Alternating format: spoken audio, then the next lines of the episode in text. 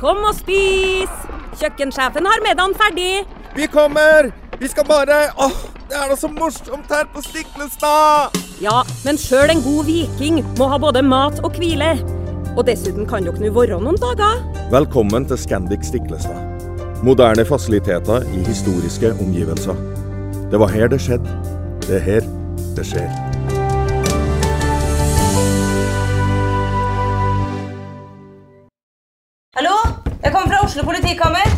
Ine Jansen er purk. Er du purk? The motherfucking bitch. Alt jeg vil, er å finne ut hva som skjedde med mannen min. Jon Carew. Er jeg sikta for noe? Iben Akeli. Det er du. Ole So, Lars Berrum og Big Daddy Karsten. Hvem sin side er du på, egentlig? Anette Hoff, Tone Danielsen, Kommer du fra Afrika? Jørnis Josef, Nesten. Kløfta. Trond Espen Seim, Det er synd å si det, men det var feil mann som døde. Purk. Premiere tirsdag på TV2 Play.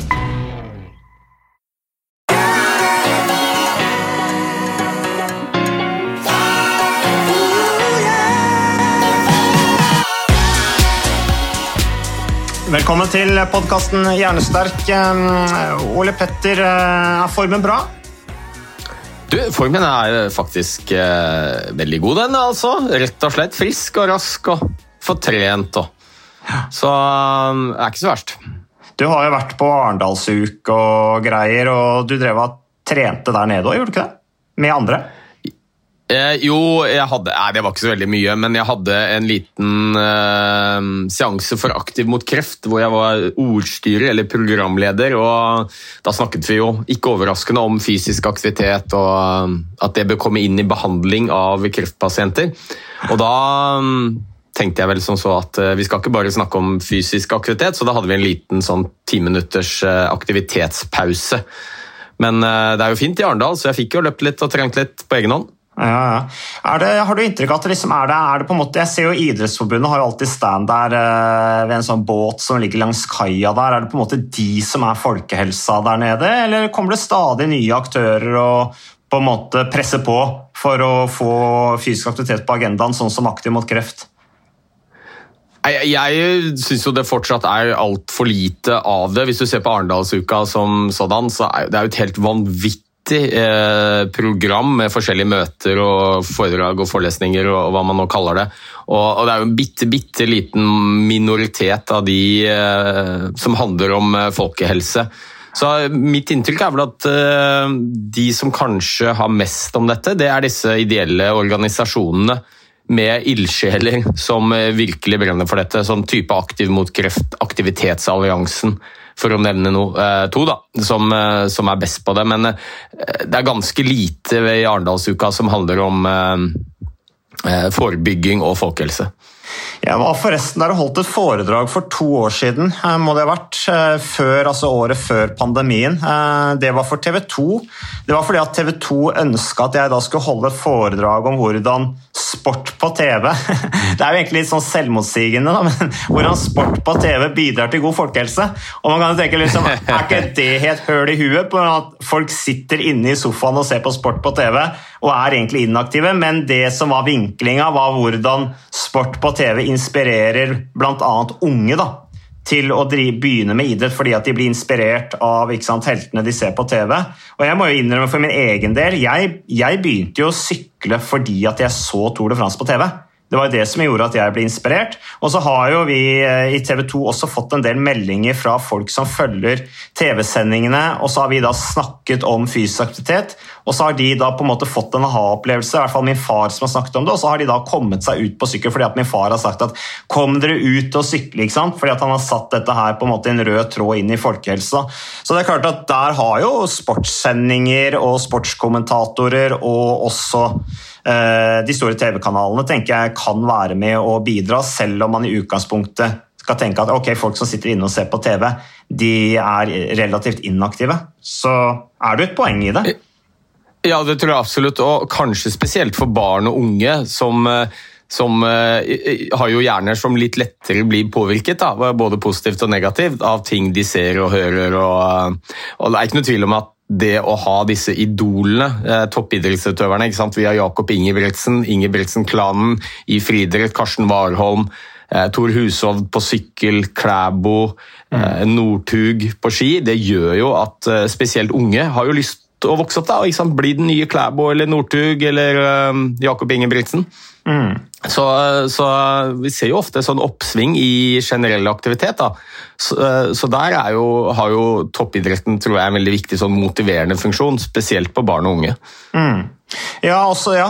Det er jo noe med dette her eh, idrettsutøverne i forhold til dette med helhetstankegang og prestasjonsutvikling, og det er jo en del som syns det er interessant da, eh, og lar seg inspirere av det. Men jeg syns jo da at vi kan hoppe egentlig ganske sånn greit over på et spørsmål vi har fått, Ole Petter.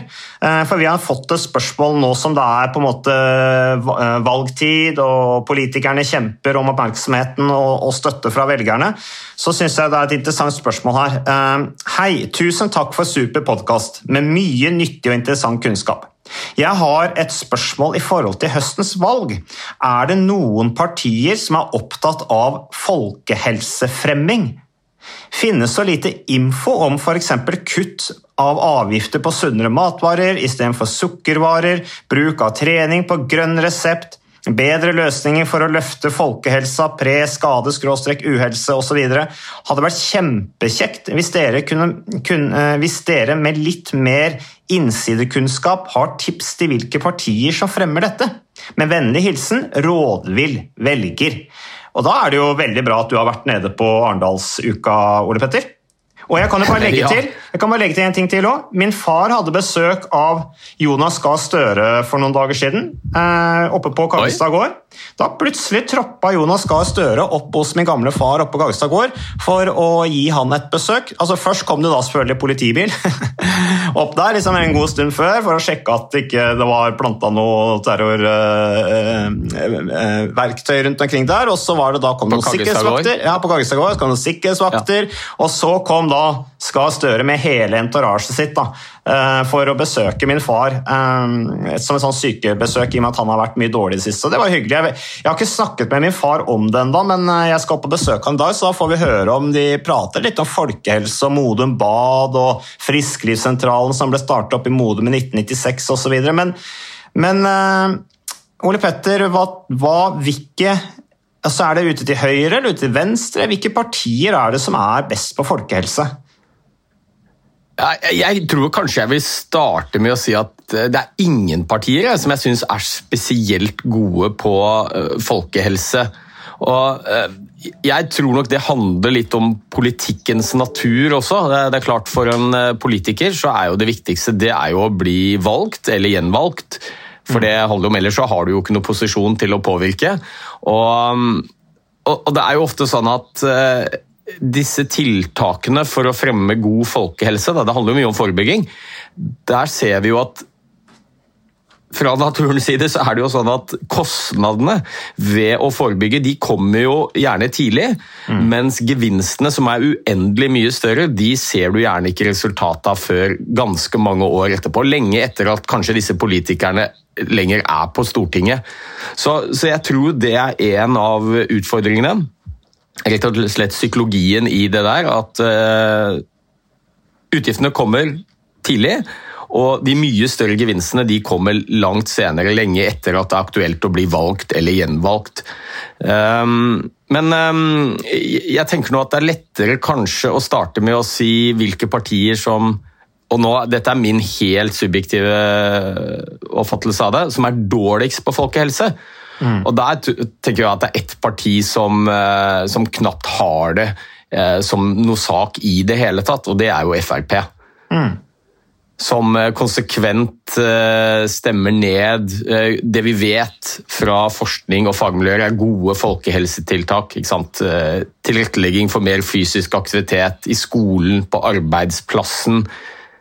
Sunn mat versus usunn mat og dette, denne skattevekslingen hvor det er, alle vet, og det er godt dokumentert, at det å redusere momsen eller avgiftene da, på, på sunn mat, og kanskje øke de på usunn mat, det, det gjør noe med de valgene folk tar i hverdagen. Da er det veldig mange som ender opp med å spise sunnere.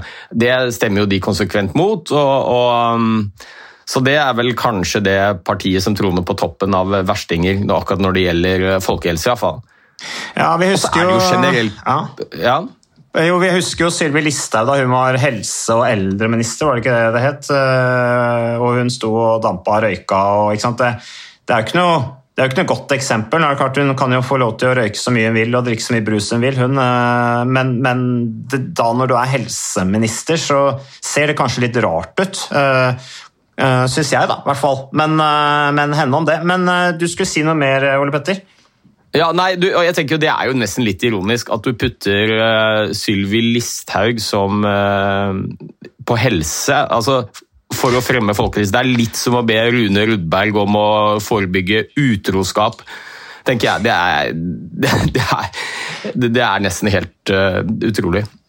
Men uh, jeg tror vi ser et ganske sånn tydelig skille når det gjelder viktigheten av godt folkehelsearbeid mellom høyresiden og mer sentrum- og venstresiden. Så um, av de partiene som iallfall jeg mener er dårligst på folkehelse, så er det jo Frp og Høyre. Mm. Men Ole Petter, bare en ting, du snakka om dette med hvordan vi er som natur. ikke sant? I forhold til dette med de kortsiktige gevinstene, vi, hvilke valg vi gjør. og At vi ikke tenker langsiktig. Det er derfor folk, eller unge ikke ønsker å snakke om De er ikke interessert i pensjon. de færreste mosjonerer og holder seg i form fordi at de tenker at som pensjonister så skal de ha en bedre pensjonstilværelse. men, men, men på andre områder, f.eks. økonomi, da, la oss ta oljefondet som et eksempel. Der er man jo opptatt av ansvarlighet i forhold til, uh, i forhold til kommende generasjoner, at det skal være på en måte penger igjen til de. Uh, og også når det gjelder miljøvern, så må man jo ha et langsiktig perspektiv, men det er kanskje det som er utfordringen. Vi spiser vel stadig mer av oljefondet samtidig som oljefondet har vokst faktisk under pandemien nå pga. at det globale aksjemarkedet har jo gått til himmels.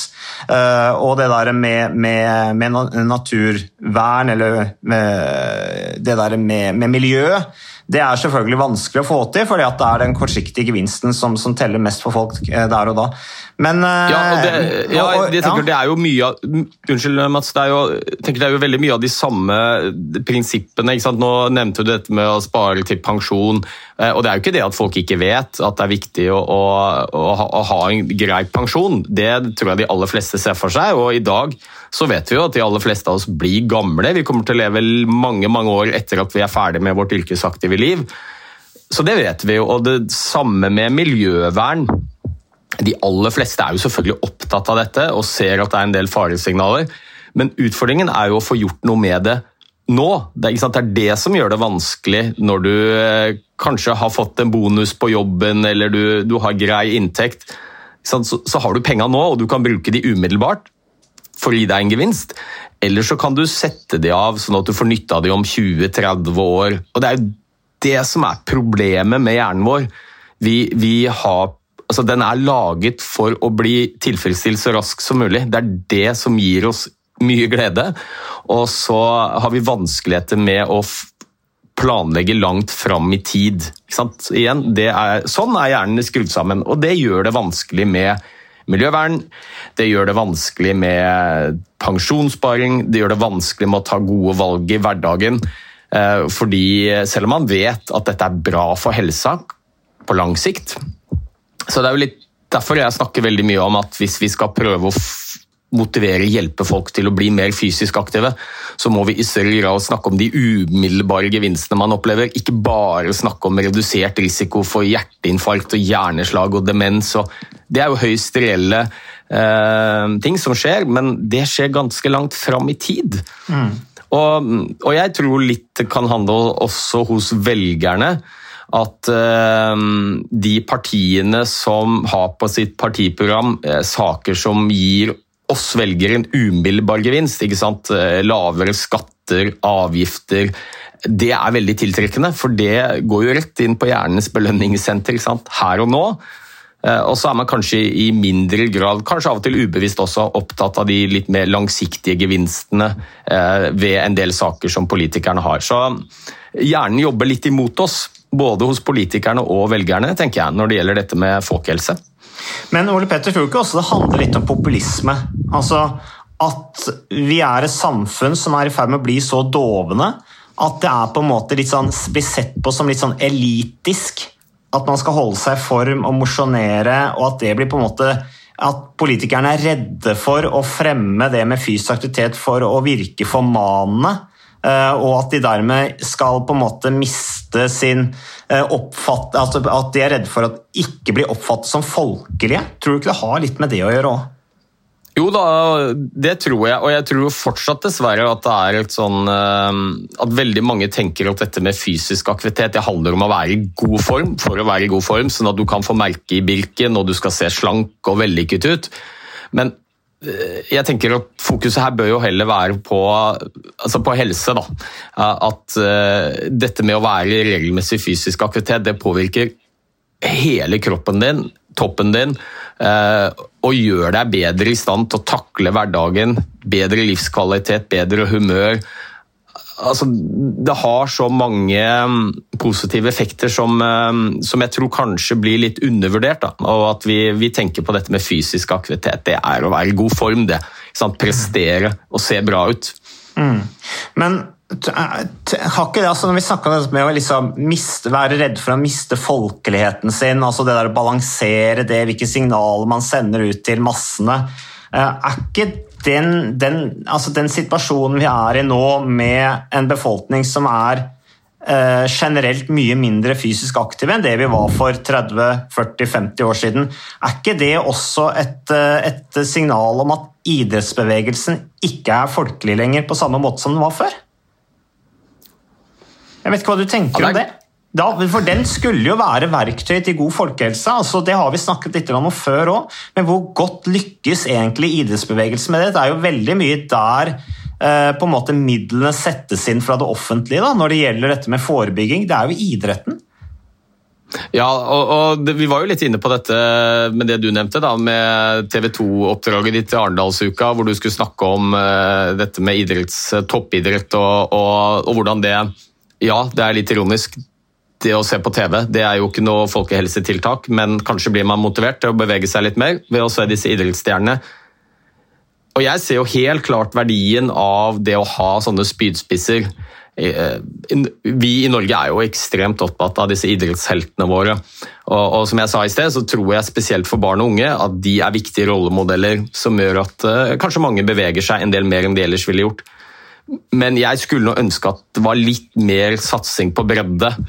Allikevel, breddeidretten, det er jo der de fleste er. Og, og kanskje litt mindre på topp, toppidretten.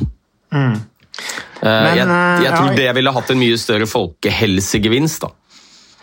Men sånn som eh, tidligere også, Ole Petter, så hadde jeg interesse La oss se på arbeidslivet, da, næringslivet. Tidligere så har Jeg har en oppfatning om at tidligere sto bedriftsidretten mye sterkere enn den gjør i dag. Altså, det var mye sånn mer, det var bedriftsfotball, det var mange flere. det var mye mer sånn uh, Amatøridretten sto sterkere før enn det den gjør nå. Altså Før så eh, gikk alle på ski, og de beveget seg hit og dit. og Det ikke, det har vi snakket om også. Aktivitetstilbudet som tilbys nå hjemme i stua er jo så stort at uh, man går ikke ut på samme måte. Men akkurat det med bedriftsidretten, satsingen på det det er jo også, tenker jeg, det er jo begrensa grad at et stort konsern så er det begrensa grad av folk deltar på bedriftsidrett i regi av, av bedriften. Altså, hvor, hvor, vanlig er det nå? Har du noe inntrykk av det, eller? Jeg har inntrykk også som deg da, at det er blitt mye mindre vanlig, og det tenker jeg er veldig uheldig. For det er jo virkelig bra folkehelsetiltak, dette med bedriftsidrett. Da, da når du veldig mange, de fleste har jobb.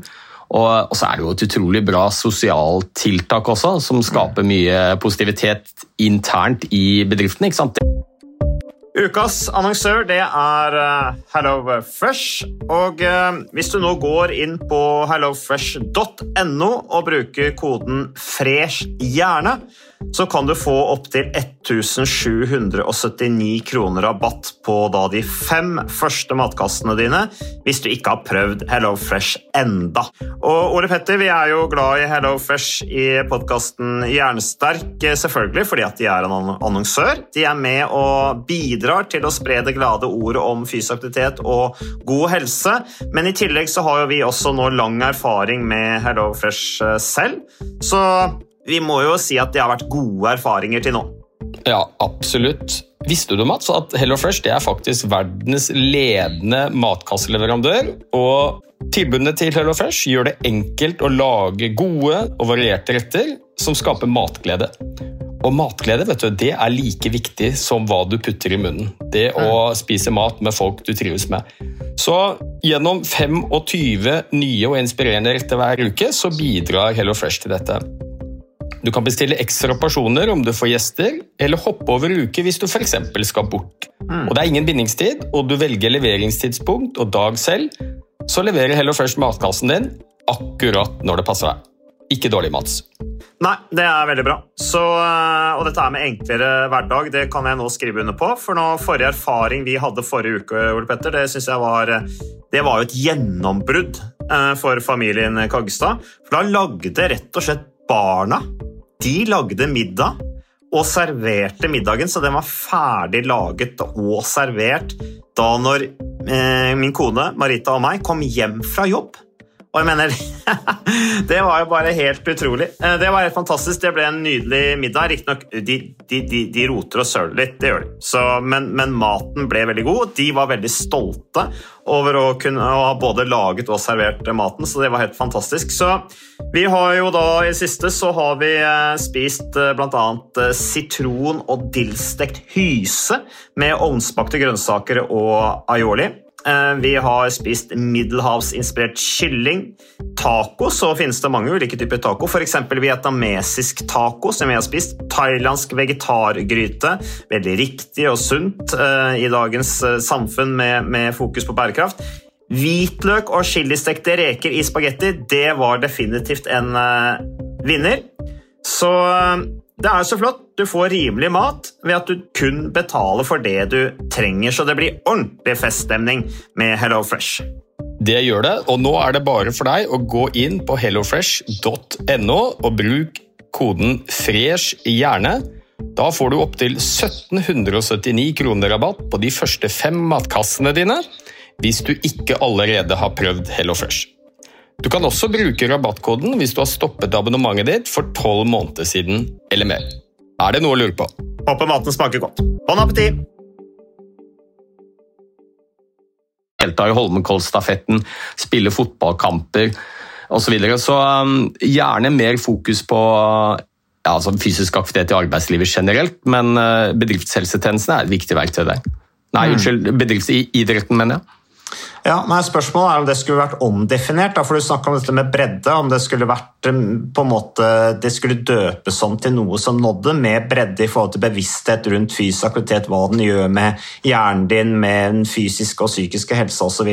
For å nå enda flere rundt det budskapet og tilrettelegge også for at de ble stimulert. Da. Ikke bare med idrett, så på en måte føler jeg i dagens samfunn at mange vil føle seg ekskludert med en gang.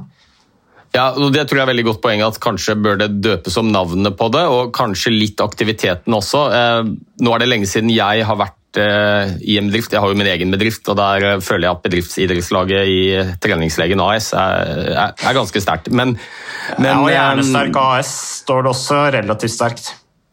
Ja, så, men jeg tror jo at det ikke sant, Du har bedriftsidrettslag, og så skal du være med på Holmenkollstafetten eller spille fotballkamper. og sånt, da, da, så er vi jo litt tilbake i kjernen i, i det noe av det som er vanskeligst i folkehelsearbeidet, det er jo å få tak i de og hjelpe de som trenger det aller mest uh, av helsemessige årsaker.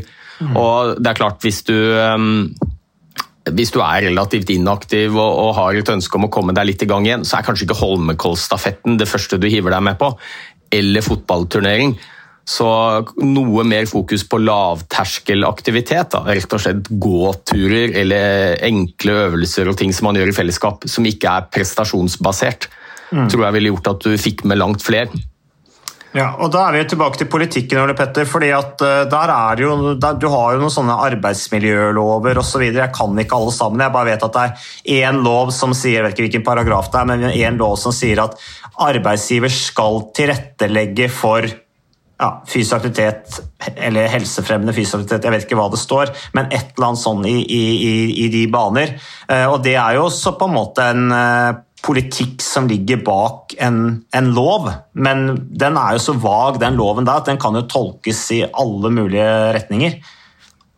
Ja, jeg lurer på faktisk om det er paragraf 3-4 ja, i arbeidsmiljøloven. Men den er jo ekstremt ullen, da. For den sier at arbeidsgiver har plikt til å, å vurdere tiltak eh, for å ivareta de ansattes fysiske og mentale helse. Det er nok ikke helt eh, korrekt ordlyd, men det er jo ganske spesielt. Du har plikt til å vurdere. Ja, så har du vurdert da, og funnet ut at nei, det er ikke nødvendig. Så det er jo så lite forpliktende som det går an å få det. Men um, du, jeg tenkte på det spørsmålet, for det ble nok ikke helt ferdig med å svare på det. Hvilket parti er det som er best på folkehelse? Og så har jeg vel jeg snakket mest om hva jeg opplever uh, som de partiene som er dårligst. Men jeg tenkte det kan være litt interessant, da. I 2017, så det var jo forrige valg, uh, så um, gjorde Aktivitetsalliansen, som er en uh, frivillig organisasjon som jobber veldig bra for å fjerne hindringer for fysisk aktivitet og rett og slett fremme mer bevegelse i hverdagen for nordmenn. De, eh, via Norstat så fikk de gjort en svær undersøkelse hvor de eh, prøvde å finne ut hvilket parti er mest opptatt av folkehelse. Og mm, den undersøkelsen så Det var 1000 personer da, som svarte på en undersøkelse. og Så stilte man spørsmål til velgerne fra forskjellige partier hvor viktig det med fysisk aktivitet var for dem. Eh, og Der var det Venstre som tronet klart på toppen. Mm. Ved å være mest opptatt av velgerne der, var mest opptatt av folkehelse. Så var det, det var 70% av velgerne som mente at det å tilrettelegge for fysisk aktivitet er viktig, eller svært viktig. Så her snakker vi jo ikke om forebygging generelt, men kanskje mer spesifikt akkurat fysisk aktivitet. da, som jo er viktig. Og så var det 61% av velgerne i KrF, 59 i Senterpartiet, 58 i SP, eh, nei, eh, SV, 53 i Ap. 51% i MDG, og så var det 49% Rødt, og så var det Frp på bunnen da, med 33 Så, så har jeg lest en annen under... Ja, Høyre hadde 49, eh, mm. så på nivå med Rødt. Mm. Så mitt, mitt, klare inntrykk er jo at det er venstresiden generelt da, i politikken som er mest opptatt av uh, folkehelse. Venstre peker seg kanskje ut som tradisjonelt da, som uh, kanskje folkehelseparti nummer én. Og så har jeg sett noen nyere undersøkelser hvor det er mange som mener at Arbeiderpartiet uh, er like gode som Venstre på akkurat den biten. Mm. Det er interessant. Eh, det er egentlig min oppfatning òg. Eh, og tilbake til min far. Eh, han, han jobbet jo mange år på Monobad Nausontorium, det har jeg snakket en del om i den podkasten. Men han startet også den Frisklivssentralen i 1996 oppe i Mono kommune. og Da var det jo kjempekamp i kommunestyret hjemme i Modum for å bevilge penger til dette tiltaket, som rett og slett var trening på resept, sånn som ble beskrevet av spørsmålsstilleren her. Trening på, på grønn resept, der hvor hun skriver. Men Eh, da var det Jeg snakket med min far om den prosessen, og han sa da at det var Frp som var mest imot Frisklivssentralen. Ennå, Det gjorde jo Frisklivssentralen. Etter at den ble startet, så gikk jo sykefraværet i Modum kommune betydelig ned, og da næringslivet uh, og samfunnet sparte jo da penger på det tiltaket. Men, uh, men samtidig Ole Petter, så er det interessant å se deg på liksom hvilke partier som er minst opptatt av, eller hvor velgerne er minst opptatt av folkehelse. Altså, vi, jo, vi var og spilte inn podkast med Christian Jomås i Pareto Securities. Noe sier meg at f.eks. der at de er nok ganske langt ute til høyre sånn rent politisk. Nå vet ikke jeg akkurat hva Kristian eh, Jomås stemmer på. Det kan godt tenkes han er Venstre og Arbeiderpartiet, alt mulig rart, jeg vet ikke. Eh, men vi har jo en del næringslivsbedrifter med en del sant, økonomer. De er opptatt av prestasjonsutvikling. Eh, og det der å, å, å se helheten i forhold til å, å, prestere best mulig, så resultatet når året er over, blir best. Og da vil jeg jo tro at det er en del høyrevelgere blant de beslutningstakerne som velger å bl.a. samarbeide med, med, med, oss i Jernsterke og Avantas Aktiv og, og på å følge opp mosjon og fysisk aktivitet som et, et mål i næringslivet. Da. Um, vi har jo knapt en eneste offentlig bedrift uh, på kundelista, uh, så spørsmålet er jo da om liksom, okay, de har Der er det kanskje mer ut mot venstre igjen, sånn rent politisk. Så det er jo litt sånn akkurat det der eh, er jo litt sånn interessant, syns jeg, da. Ja, veldig. Og, men og jeg prøver jo ikke å si at uh, de som stemmer Høyre, eller politikerne i Høyre eller i Fremskrittspartiet for den saks skyld, ikke er klar over hvor viktig folk altså, ikke er opptatt av folkehelse, uh, eller helse generelt, for det er de. Men jeg tror det handler litt om politisk filosofi uh, også, da, fordi en av en, en, av de tingene jeg eh, møter veldig ofte når jeg snakker med sant, i bedrifter med næringslivstopper og er i, i, møte med ledelsen i forbindelse med foredrag eller dette med tilrettelegging for fysisk aktivitet, så er jo veldig ofte de som sitter i ledelsen i disse store selskapene, de er veldig fysisk aktive og veldig opptatt av å holde seg i form, fordi de ser hvilken gevinst det gir for dem mm. på mange forskjellige nivåer. Men jeg opplever veldig ofte at holdningen er at eh, det med fysisk aktivitet, det er et eh, ansvar du har selv. Det er ikke noe som eh, nødvendigvis politikerne må tilrettelegge så mye for, det er individets ansvar. Og akkurat det med individets ansvar står jo veldig sterkt tradisjonelt sett på, mm. um, på høyresiden i norsk politikk.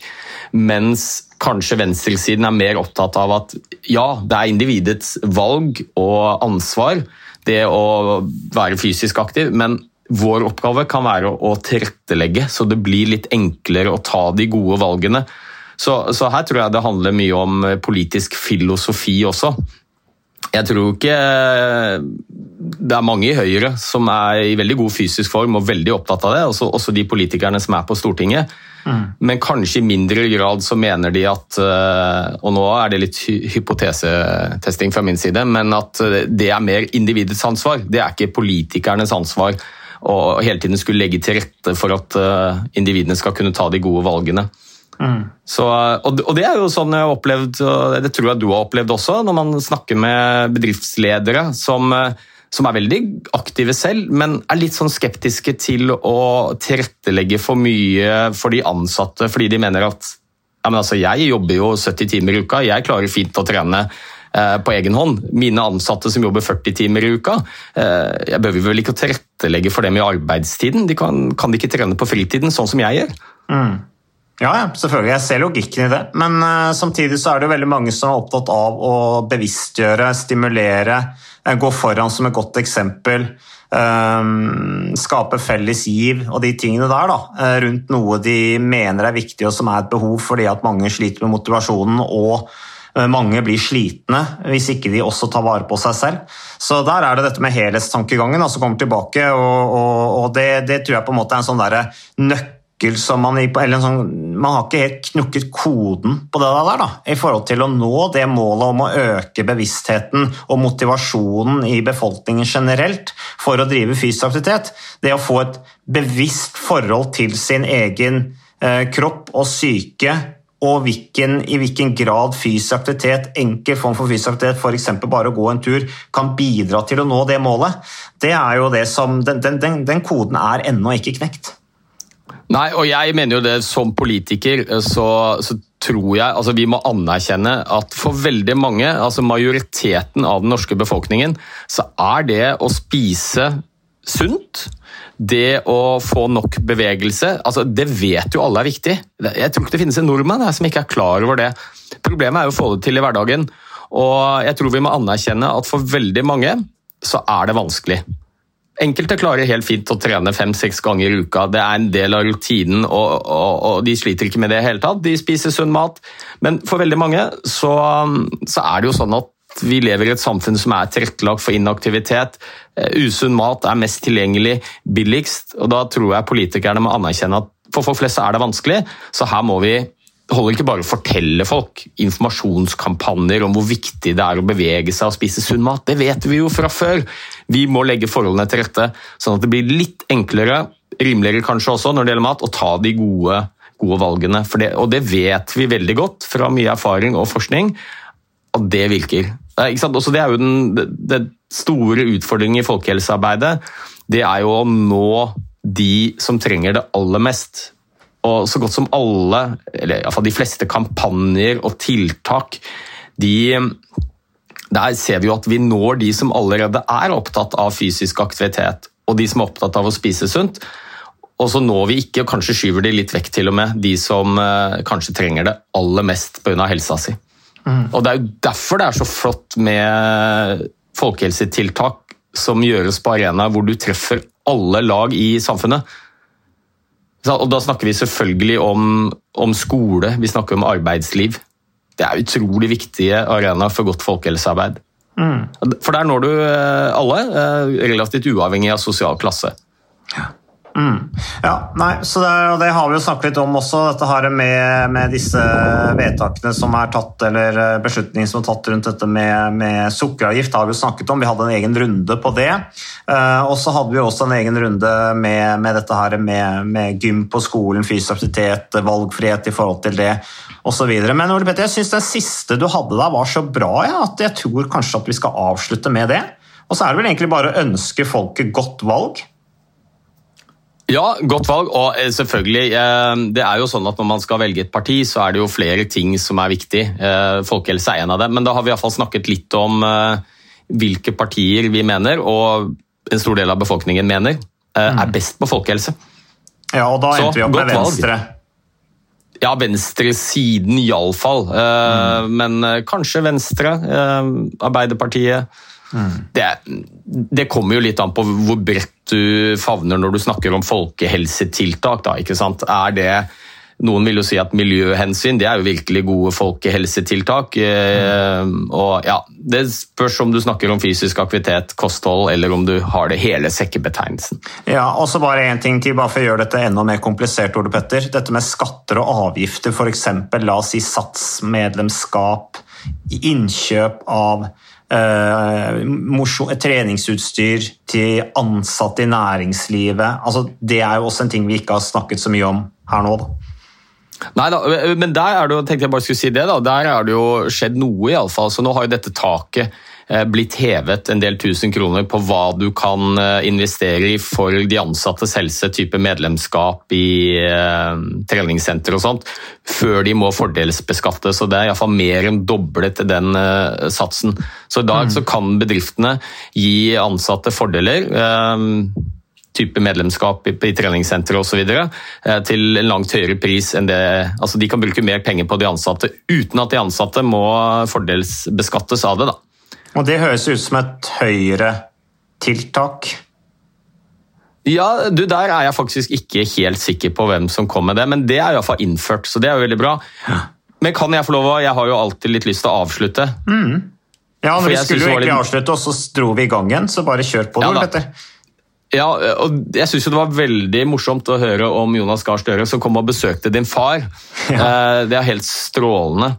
Og, men det jeg syns er litt ironisk, eller morsomt med det, er jo at jeg har jo selv nå, eh, via Nasjonalforeningen for folkehelse og noen store sånne folkehelseaktører, vi har prøvd å få tak i Jonas Gahr Støre.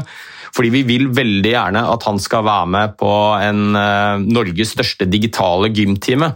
Som er en sånn politisk markering vi har foran Stortinget 31.8, hvor vi ønsker å rette søkelyset mot viktigheten av mer fysisk aktivitet i skolen. Ja til mer fysisk aktivitet i skolen, det viktigste folkehelsetiltaket siden røykeloven. Og Der vet vi jo at Jonas Gahr Støre er positiv til dette. Han er jo en fysisk aktiv kar selv og har snakket mye om viktigheten av bevegelse i skole. Men det er jo helt umulig å få han med! Han er jo så opptatt. Så vi har jo nå jobbet via en haug med kanaler for å prøve å få han til å stille opp et kvarters tid den 31. august. Men det har vi ikke klart. Men han dukker opp på Kaggestad gård. Det gjør Ja. Så, men, eh, Uanmeldt til og med. Nei da, det var nok litt planlagt. Jeg tipper at de hadde ringt til min far dagen før, og plutselig, at det plutselig fikk jeg melding fra broderen om at han måtte være der oppe og lage kaffe og greier, og heise flagget. Og, men eh, men jeg, jeg, jeg, eh, jeg fikk jo ikke da melding Jeg, fikk jo melding av broderen med bilder at Gahr Støre var der oppe på gården og satt i stua vår sammen med fattern. Så da var det liksom, så jeg visste ikke om dette. Jeg var på Tour of Norway jeg, i Stavanger. Så, Ja, men jeg må jo si at eh, jeg syns jo forfatteren din fortjener det, da han har vært en eh, utrolig viktig person når det gjelder eh, folkehelse. På mange måter. Kanskje spesielt dette med Modum Bad og aktivitet ved, ved mentale lidelser, frisklivssentraler, reist rundt og holdt foredrag. Kommentatorjobben i TV 2. Nei, Han har vært en kjempe på det arbeidet der, altså, så, og det er jo på en måte Ja, Det er eh, det å følge opp mosjon som en del av helheten, enten det er innenfor sykevesenet sykevesen eller helsevesen eller næringslivet eller eh, eh, skolen. Det, det, har sin plass uansett. Så, men eh, tusen takk for eh, praten, Ole Petter, og dine refleksjoner rundt dette med folkehelse og valget og politikk. Og så takk for deg som lytter, for at du lytter til podkasten Jernsterk. Vi er tilbake med mer neste uke.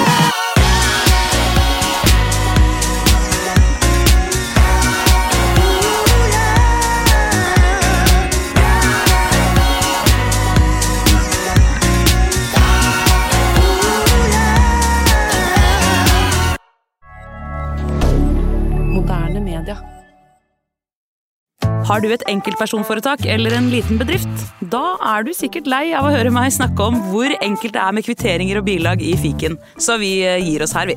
Fordi vi liker enkelt. Fiken superenkelt regnskap.